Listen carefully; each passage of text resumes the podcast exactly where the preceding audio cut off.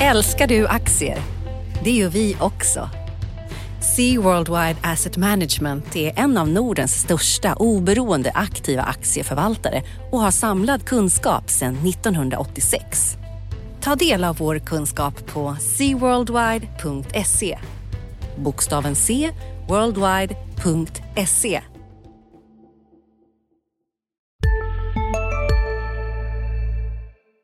Analyspodden presenteras idag av Blackrock. Blackrock är en kapitalförvaltare med målet att hjälpa fler och fler att uppnå finansiellt välmående. Blackrocks kunder är alltifrån företag, banker och tradingplattformar till privatpersoner runt om i världen. Blackrock har ett brett utbud av produkter. Alltifrån traditionella fonder och iShares ETFer till alternativa investeringar. Gå in på blackrock.com för att läsa mer. Analyspodden från Dagens Industri. Hej allihop och välkommen till veckans avsnitt av Dagens Industris analyspodd där analysredaktionen pratar om vad som har hänt i veckan och vad som kommer hända i nästa vecka. Jag heter Ulf Pettersson och mitt emot mig i studion, den virtuella digitala studion, så har jag Nils Åkesson. Hej Ulf! God förmiddag Nils! Hallå hallå! God förmiddag! Fredag förmiddag som vi spelar in det här. En, en, ännu en hektisk vecka har, har det varit för, för oss på redaktionen och även nästa vecka kommer bli hektisk med en massa eh, intressant makrodata. Men vi kan väl börja prata, eh, Nisse, om eh, veckan som gick här. Vad det är som har hänt då ute i, i världen och i Sverige. Ja, eh, i, om, i rubrikord så skulle jag säga eh, kalldusch för svensk tillväxt, gasexplosion i Europa och som bonus spännande jobbsiffror som vi fortfarande har framför oss. Eh, från USA alltså, denna eftermiddag. Klockan halv tre i eftermiddag. Ja. Men om vi börjar, vad ska det, gasexplosion låter ju, liksom, det låter ju eh, aktuellt så jag får säga, men eh, det kanske vi ska börja med då. Vad är det som, som händer där och framförallt måste man börja spara pengar för att betala elräkningarna nu eh, i, i vinter? Här, Ja. ser det ut? Jo, men det är det här gaskaoset i Europa då. För den som inte hängt med i turerna kring Europas energikris så kommer här en liten sammanfattning då. Europapriset på naturgas det rusade alltså ungefär 20 procent på en dag i, eh, tidigare i veckan här. Och det har tripplats bara sen i början på juli. okej? Eh, det, det här driver upp elpriserna i Europa och skickar svallvågor även till elpriser i södra Sverige. Hur blev det så här? Jo, Europa eh, har blivit mer gasberoende eftersom vi har reducerat både kärnkraften och kolkraften då via eh, allt dyrare eh, utsläppsrätter då, vad det gäller det här smutsiga eh, kolet. Så det har skett eh, samtidigt. Eh, sen har just i år då eh, vädrets makter tillsammans med Vladimir Putin förstärkt det här. Vi hade en snorkall vinter och en sommar som var extremvarm, torr och vindfattig. Eh, så då har Europas gaslager sjunkit till långt under normala nivåer och samtidigt som vattenkraftverkens magasin eh, är låga och så har bidraget från vindkraften varit, eh, dåligt. Och Ryssland som är Europas huvudleverantör av gas har hållit igen på sina extra leveranser. Eh, nu uttalade sig eh, president Putin på onsdagen och sa att jo då, han kan tänka sig att vrida upp kranarna lite mer och det räckte för att gaspriserna skulle falla tillbaka en bit. Eh, men det är uppenbart att han använder gasen för att spela geopolitiskt schack. Framförallt vill han förmå EU och Tyskland att koppla på den här Östersjöledningen Nord Stream 2 som ju egentligen bygger in Europa i ännu större beroende av rysk eh, gas. Eh, Så det var energikrisen på en och en halv minut. Eh, Men vad betyder det här för konjunkturen då? Jo, alltså det här spär ju på inflationen som ju redan är historiskt hög efter, coronakrisen. Det har vi pratat om tidigare. Det här är ju tillfälliga pristoppar men det är ändå oklart hur länge de håller i sig. Och vill det sig illa så kan ju dyra energikostnader leta sig ut i höjda konsumentpriser på allt möjligt. Och då ökar ju risken för att inflationen biter sig fast mer varaktigt, eh, vilket är ju tvärt emot vad centralbankerna då länge har, har hävdat. Va? Eh, så det är ett orosmoment. Men kanske den största risken det är att eh, skenande elräkningar helt enkelt bromsar både industrin och hushållen eh, aktiviteten där. Alltså, eh, får vi ännu en kall vinter och eh, elen blir för dyr eller helt enkelt inte räcker till, då kommer vi att få se nya produktionsstopp i fabriker. Och hushållen som precis har börjat slå på stort efter att restriktionerna lättat, de kan börja dra ner på eh, på sitt spenderande eh, för att eh, värme och el blir rekorddyrt. Så då kan vi få en andra bromkloss för tillväxten i Europa ovanpå eh, de här flaskhalsarna som eh, har varit ett, ett tema eh, tidigare här med komponentbristen och, och leverantörskedjorna. Mm. Och, och, i Kina har man ju, de har ju väl inga gas, där är det ju också elbrist så, så tillvida att man till och med stänger fabriken nu. Så det verkar inte vara ett, enbart ett europeiskt problem utan i, i hög grad ett globalt problem. Och för att inte prata om utanför EU, där har vi haft Storbritannien. Där är det ju liksom där är det ju brist, brist på, på el. Ja, Alltså, Kina har en, en, liknande energikris. Det är ju USA som kommer hittills lindrigare undan, men det är ju så att Europa och Kina är ju på ett helt annat sätt beroende av importerad fossil energi. Mm. Uh, så det är ju uh, det är där det ligger. Men det bidrar ju också till, till gaspriset, absolut då, att um, Kina, Kina jagar ju, um, de handlar ju upp leveranserna av flytande naturgas som skulle kunna vara ett alternativ till, till den ryska gasen då, som kommer via tankfartyg. De vill Kina gärna lägga beslag på före mm. Europa. Då.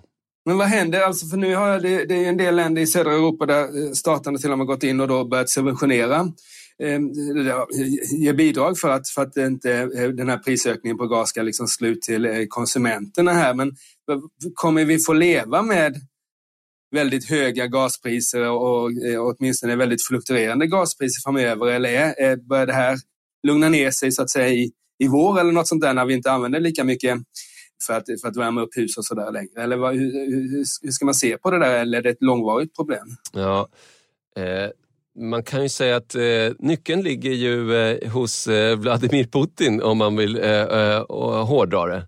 Han har mer gas eh, att sälja eh, men det är ju ehm, han kan, eh, han kan eh, bestämma takten kan man säga.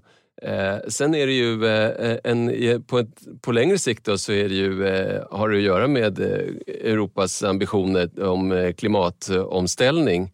Och eh, eh, där är ju, ser ju, är ju gas mindre smutsigt än kol. Eh, det har ju setts som, som en slags eh, mellansteg på väg till mer förnybart och fullständigt fossilfritt. Då. Men vi kanske fastnar på vägen om det blir så för dyrt att betala de här gasräkningarna. Det låter som 1970-talets olje och OPEC.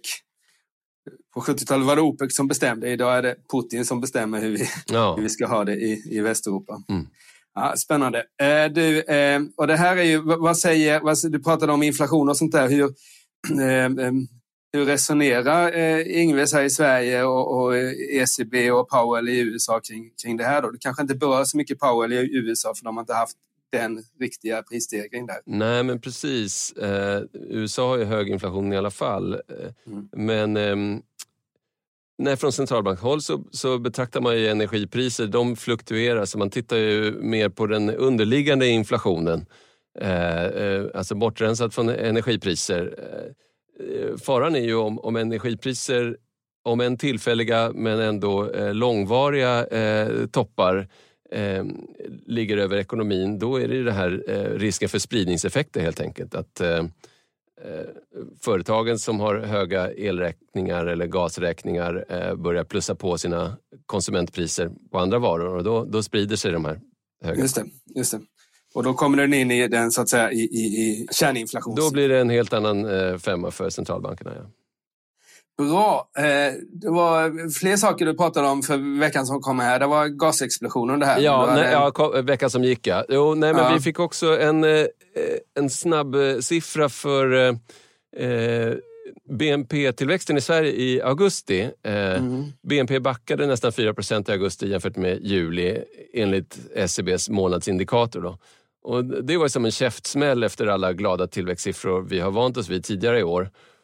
Okej, det var faktiskt väntat med en liten sättning efter de här urstarka månaderna vi hade tidigare, men inte ett sånt här bakslag. Eh, det är i alla fall tydligt att det var vikande export som var det största sänket, även om hushållens konsumtion också gick tillbaka lite grann. Eh, så det är exportindustrin som hackar. Ja, och det man, men det har man inte riktigt sett i inköpschefsindex och Nej. sånt där. Alltså det känns som, och det känns som att, att för i Tyskland, även under nedgången i, i, i pandemin, så var, var tyska siffrorna en månad snabbare eller något sånt där än de svenska lite grann. Alltså det, det känns som att det inte riktigt hänger ihop här att vi har ett BNP-fall på, på 4 då i augusti och sen så har vi positiva exportbolag och det är ändå exporten som har dragits ner. Där finns det liksom någon mätproblematik eller är det något som slackar efter så att vi kommer liksom få se det här även i inköpschefsindexerna så småningom? Eller hur, hur ska man försöka tolka det här Nisse?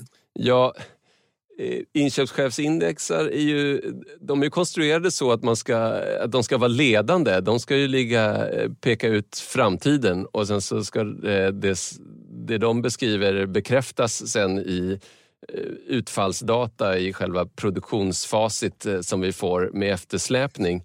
Men nu har det ju blivit lite eh, knasigt då för att jag kan tänka mig att inköpschefsindexarna de speglar den här, eh, eh, en god framtidstro.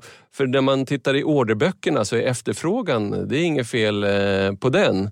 Även om vi faktiskt har sett och även orderingången vika ner lite grann senaste månaden. Men jag tror att det, det, finns en underskattning av problemen med leverantörskedjorna globalt. Och I slutändan så, så slår det igenom.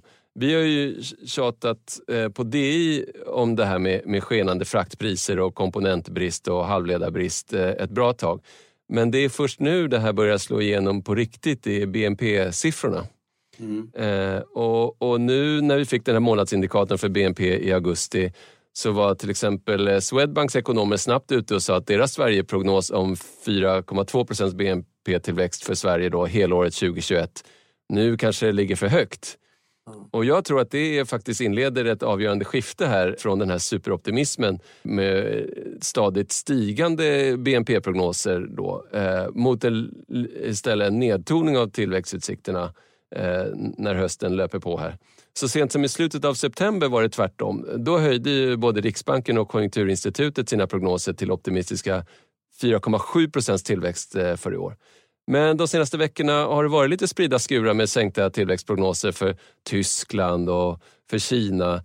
I Tyskland har ju industrin bromsat betydligt mer än i Sverige och där är det uppenbart att de här flaskhalsarna håller tillbaka hela ekonomin. Ja, och då har du alltså vi är ju väldigt eh, fordonsberoende i Sverige i relativa termer, men Tyskland är väl än mer så. Det är, det är ju fordonsstatistiken som har varit helt, helt bedrövlig här. Den har ju backat flera månader i rad och var ner 20 procent ungefär i, i, i september. Så det där, det ja. där fortsätter ju här och det är ju ett Ja, det är ett... Och återigen, det är ju det här att eh, det är inget att klaga på när det gäller efterfrågan egentligen. Utan det är, man kan inte möta efterfrågan för man har inte eh, alla muttrarna, skruvarna och, och halvledarna man behöver.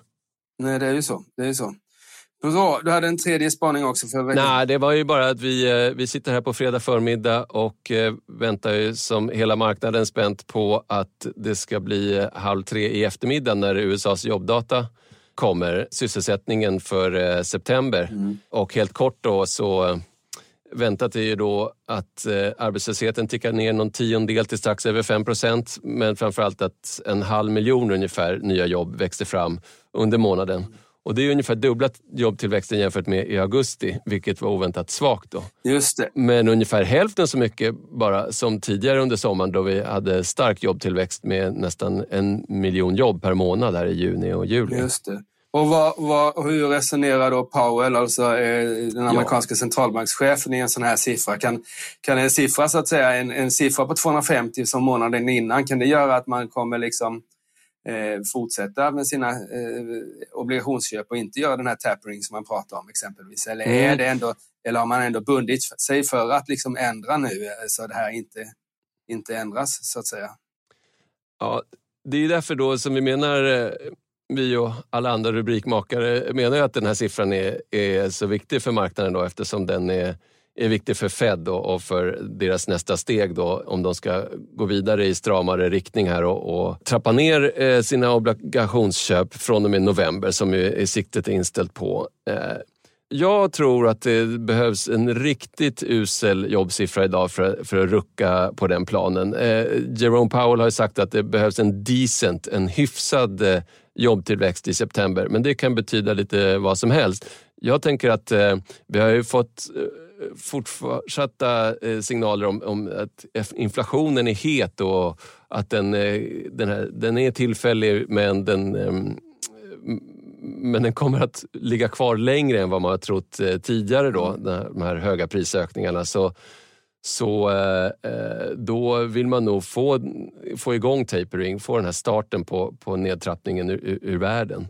Ja. Det är min, min gissning. Alltså. Precis. Och på ett, ur en börshorisont här så är det faktiskt inte helt, helt givet hur, hur marknaden kommer reagera. Alltså grundtipset är väl att, att en, en en stark tillväxt kommer så att säga få en positiv reaktion, det vill säga att om det är mer jobb än väntat som har skapats under månaden så bör börsen stiga på det där och tvärtom då. Men, men i detta, detta läge så kommer det, kan det väl, mycket väl gå faktiskt åt andra hållet här. Det är en, vi har ju sett en, en aktiemarknad nu är vi ju faktiskt ner lite grann även här första veckan i oktober, inte så mycket, en halv procent ungefär på Stockholmsbörsen nu klockan halv elva på fredag förmiddagen. Men det har ju varit väldigt slagigt och, och eh, vi kommer från en period där vi har haft väldigt, väldigt små rörelser, alltså svagt stigande börs varenda, varenda månad, eh, tio månader i sträck och även i, på dagsdata har det varit små rörelser väldigt stabilt. Eh, men nu börjar de här rörelserna öka en del. Vi har 2% rörelse under dagen och vi har även svängningar intradag där man börjar upp och slutar. Just nu pågår vår stora season sale med fantastiska priser på möbler och inredning. Passa på att fynda till hemmets alla rum, inne som ute, senast den 6 maj. Gör dig redo för sommar. Välkommen till Mio. CSRD, ännu en förkortning som väcker känslor hos företagare. Men lugn, våra rådgivare här på PWC har koll på det som din verksamhet berörs av. Från hållbarhetslösningar och nya regelverk till affärsutveckling och ansvarsfulla AI-strategier. Välkommen till PWC. ner och vice versa. Så, så hur man tar emot den här jobbsiffran är faktiskt väldigt intressant att se hur, hur marknaden och eh, om det så att säga finns och det, normalt sett så stiger börsen på en stark siffra och faller på en svag, men det beror lite på hur marknaden... Det finns folk som den kan stiga lite grann på en stark siffra och sen så kommer då en hel del säljare in som, som egentligen är, liksom börjar bli lite mer försiktiga till börsen. Så det där blir en väldigt intressant eh, eh, siffra även för oss aktieintresserade. Ja, och när vi pratar börs då, eh, Uffe, så har vi haft en vecka av eh, vinstvarningar Eh, ja. Vad kan du berätta om det? Ja, det har vi haft. Eh, inte så mycket i Sverige. I Sverige har vi inför Q2-rapport, eh, Q3-rapporten haft två egentligen. Vi hade Nolato, men det är ju, det är ju nu, det har nästan gått ett par veckor sedan de kom då. Men den, och den fick inte så stor, så stor effekt egentligen. Sen hade vi Scandi Standard eh, här på måndagen. Eh, eh, alltså kycklingtillverkaren. Det var betydligt värre där. 80 procent av vinsten föll på Eh, Eh, på att eh, eh, prisökningar, inte minst på foder och sånt där, transporter, och att man inte kan höja priserna i den utsträckningen. Problemet för det är det som är så intressant här inför rapporterna. Det är vilka bolag kan föra vidare prisökningarna som vet, vi vet kommer och vilka kan inte göra det. Och det är uppenbart att Scandi Standard med sina kycklingar har svårare och det kan man förstå. Där finns ju goda substitut. Om kycklingen i butiken är för dyr så kanske man väljer något annat, någon annan typ av kött eller något vegetariskt. Och dessutom så har du då eh, de här stora eh, oligopolliknande livsmedels, eh, ja, Axfood och Ica och, och, och Coop här som, som inte, liksom, som inte, som inte eh, eh, bara, bara liksom nöjer sig med att få en högre faktura på kycklingen utan de vill fortsätta ha låga priser. Så det där var krångligt för dem. Men viktigare ska vi säga, för börsen och för helheten det är de här eh, utländska eh, vinstvarningarna vi har haft. Eh, och vi har haft då, eh, vi har haft Packard, i, i amerikanska eh, Volvo-konkurrenten, amerikanska Packard som har en massvis av välkända lastbilsvarumärken. Och sen har även Daimler varit ute och pratat om att de inte har kunnat leverera som förväntat under, under Q3 här. Så Så det finns där och det, man har ju sett också hur alltså, eh, aktiemarknaden... Och är det då komponentbrister här som de pratar ja, om? De här ja, det är kom, komponentbrist är det. Sen har vi en fallande orderingång också, men det är inte lika allvarligt för orderböckerna var ju välfyllda här, så de har nog levererat på de, de så att säga har, har, har nog kunnat leverera det de har producerat, utan det är produktionen som har varit ett, ett problem helt enkelt. Och vi har ju skrivit om, om produktionsstörningar både hos Volvo och Scania och, och tillfälliga stopp och så där. Så det är problematiken. Plus att vi har ju också den här eh Eh, kostnads, eh, eh, kostnadsinflationen i form av råvaror. Vi pratar ju väldigt mycket halvledare och sånt där, men det gäller ju, det gäller ju egentligen på allt möjligt. Så det där ska bli väldigt intressant att se hur, hur rörelsemarginalerna eh, har utvecklats för de här stora verkstadsbolagen. Men tittar man på hur aktiemarknaden har reagerat här så har vi faktiskt sänkt verkstadssektorn en del. Alltså, många bolag är ner 10-20 procent från toppen. Utan det som har hållit uppe börsen ändå hyfsat är att vi har haft en väldigt stark utveckling för våra banker som är på i stort sett all time high här nu. Eh, de flesta i alla fall. Mm.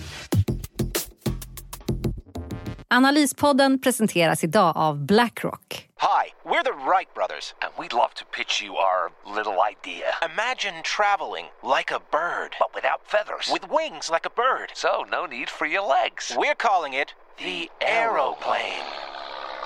Some ideas are only crazy until they work, like using ETFs for fixed income. Discover why more investors are turning to iShares by BlackRock to solve their bond market challenges. Capital at risk, the value of investments and the income from them can fall as well as rise and are not guaranteed. Investors may not get back the amount originally invested. Om vi håller oss kvar lite vid vinstvarningarna ändå. Um med tanke på att vi har rapportsäsong på gång här, ger de här vinstvarningarna eh, från, ja vi tar de här lastbilsjättarna då kanske framförallt. Eh, eh, ger de oss något att tänka på inför rapportsäsongen?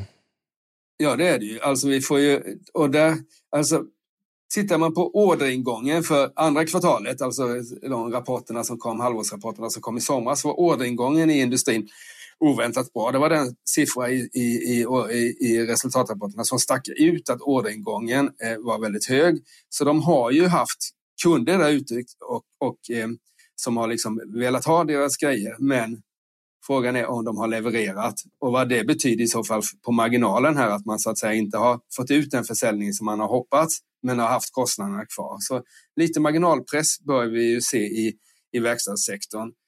Helt klart. Men, eh, och det blir ju det blir intressant att se hur, hur, hur de här tas emot. För det är inte så att Tittar man på eh, hur det har varit senaste eh, rapportperioden här så har vi mött väldigt, väldigt svaga jämförelsesiffror. Men man får komma ihåg att redan under tredje kvartalet förra året så kom ju vinsterna tillbaka. De var i stort sett oförändrade 20, Q3 2020 mot Q3 2019.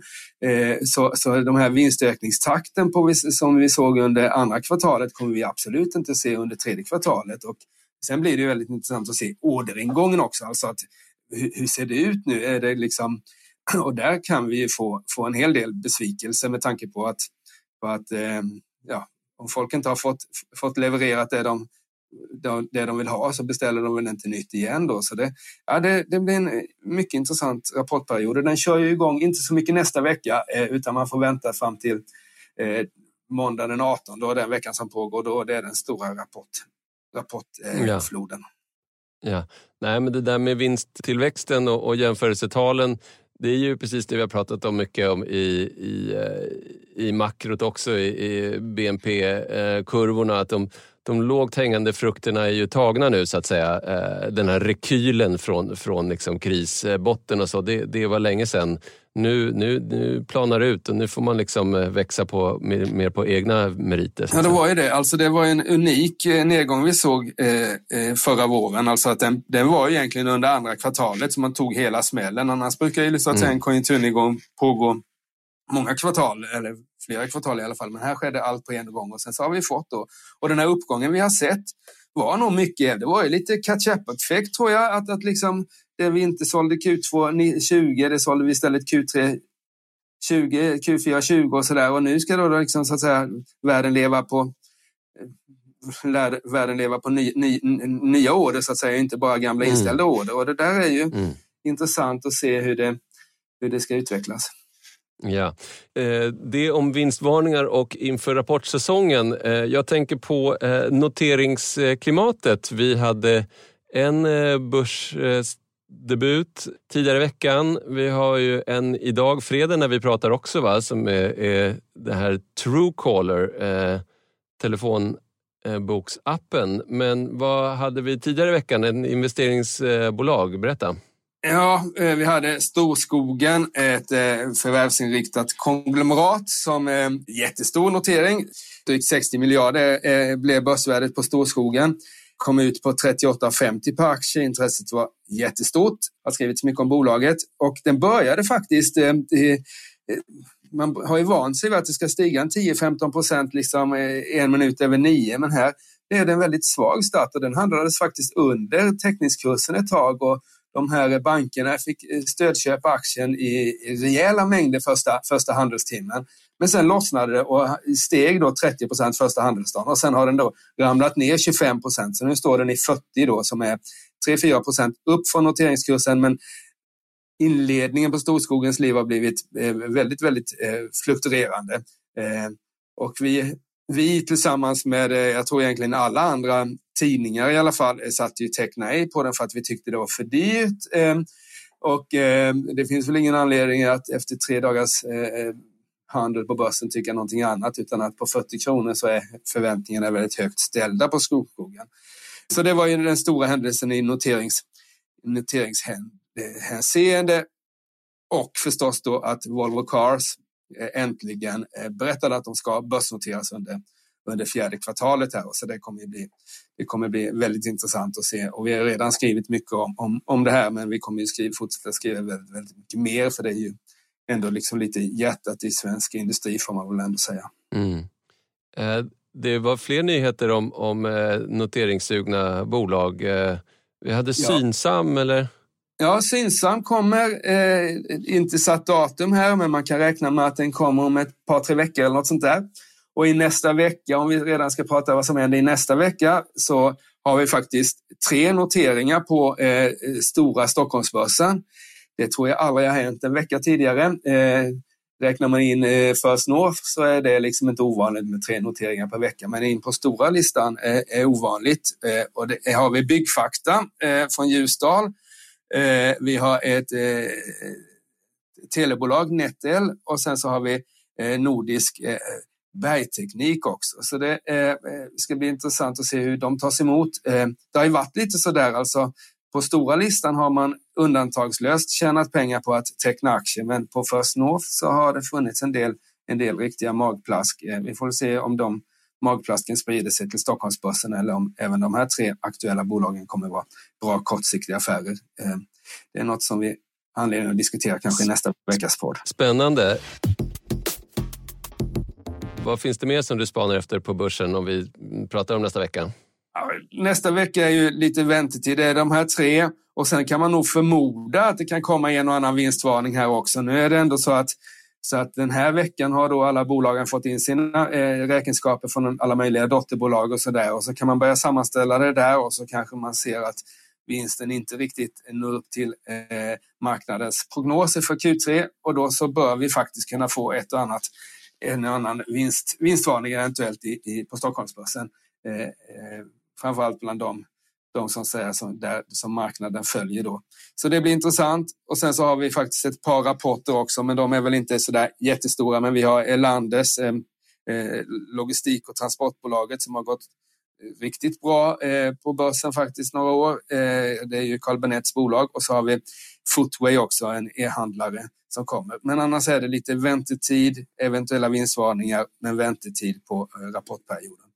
Men från din horisont då Nisse, vad du har desto mer hektiskt eller? Ja, eh, det är ju eh, inflationsvecka nästa vecka. Eh, man får nog börja i den änden. Det är KPI-statistik för september eh, från USA på onsdag och för Sverige på torsdag. Och i dessa tider med eh, eh, höga alltså med inflationssiffror som är ju de högsta vi har sett på år och dagar så är det högintressant och det, frågan kvarstår ju hur, hur länge kan en inflationsuppgång vara tillfällig?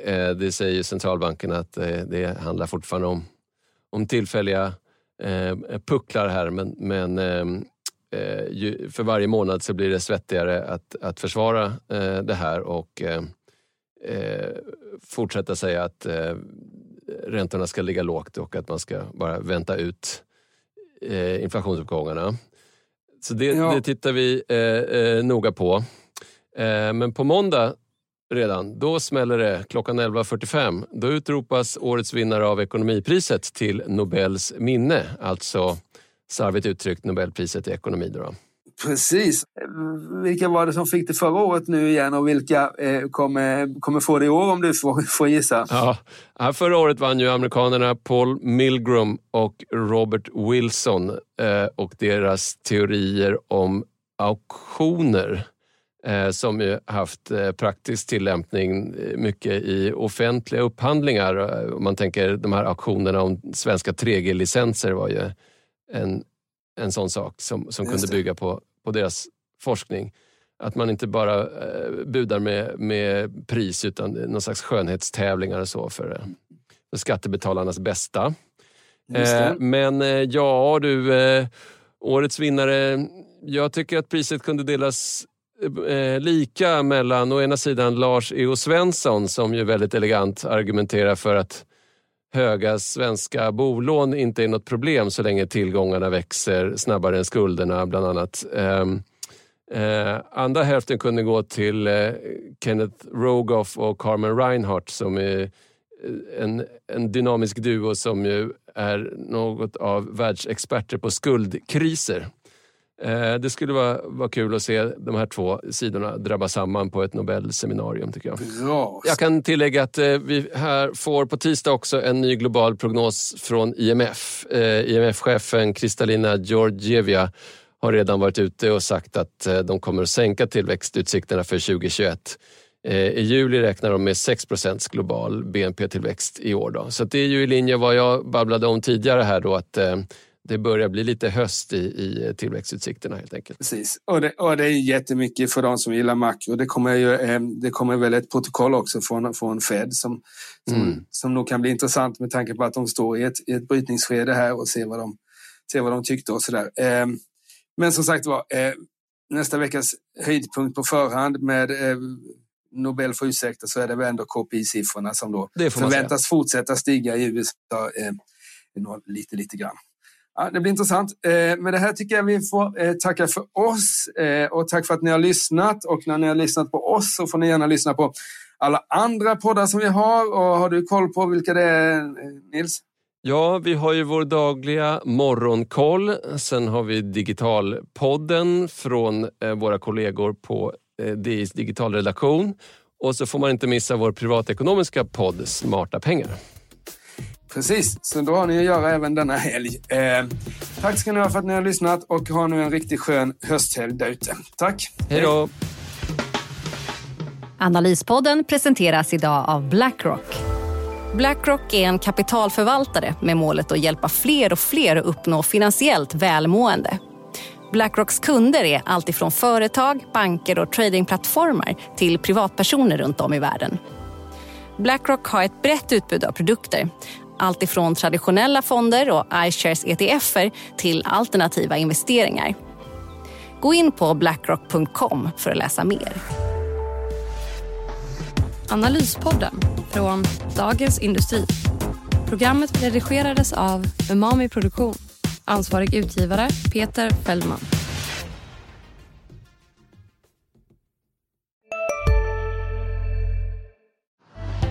Älskar du aktier? Det gör vi också.